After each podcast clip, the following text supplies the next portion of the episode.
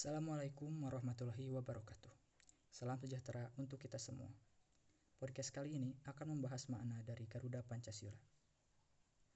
Adik-adik, siapa yang tahu kapan hari lahirnya Pancasila? Dasar negara Indonesia ini lahir pada tanggal 1 Juni 1945.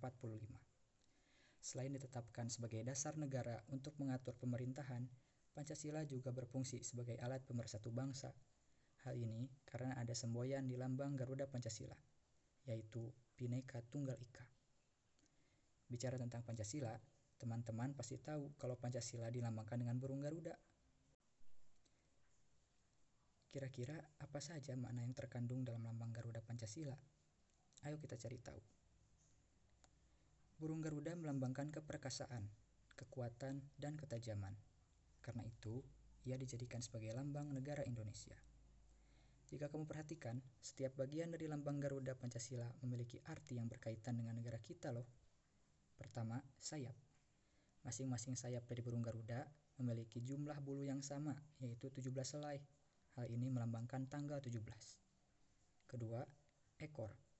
Bulu pada ekor Garuda Pancasila berjumlah 8 helai yang melambangkan bulan Agustus yang merupakan bulan ke-8. Tiga, pangkal, ekor, dan leher.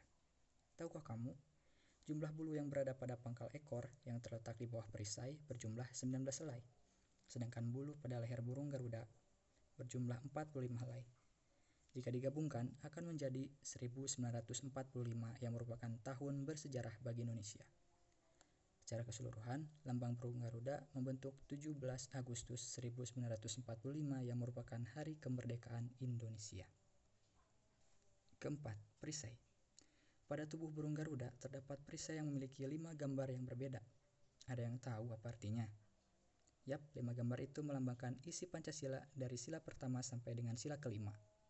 Kira-kira apa makna lima lambang Pancasila itu ya? Ayo kita cari tahu. Pertama, bintang. Bintang merupakan lambang dari sila pertama, yang melambangkan sebagai cahaya kerohanian bagi setiap manusia. Dengan latar belakang berwarna hitam atau warna asli yang menunjukkan bahwa Tuhan sebagai sumber dari segala sesuatu dan sudah ada sebelum segala sesuatu di dunia ini ada. Kedua, rantai. Rantai merupakan makna dari sila kedua, yaitu kemanusiaan yang adil dan beradab. Gambar rantai disusun atas gelang-gelang kecil, menandakan hubungan manusia satu sama lain yang saling membantu.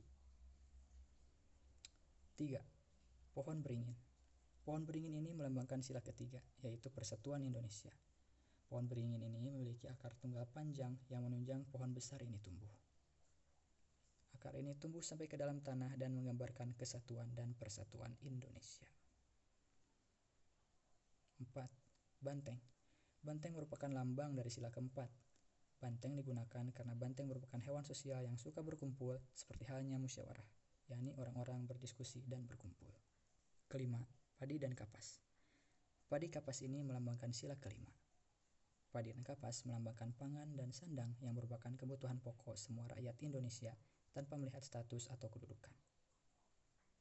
Nah, itulah mana dari setiap simbol pada lambang Garuda Indonesia. Dengan memanainya, kita bisa memahami Pancasila dan mempelajari setiap makna lambangnya. Sehingga, harapannya kita pun dapat menerapkan nilai-nilai kebaikan tadi dalam kehidupan sehari-hari.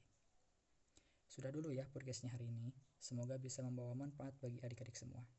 Sampai jumpa. Wassalamualaikum warahmatullahi wabarakatuh.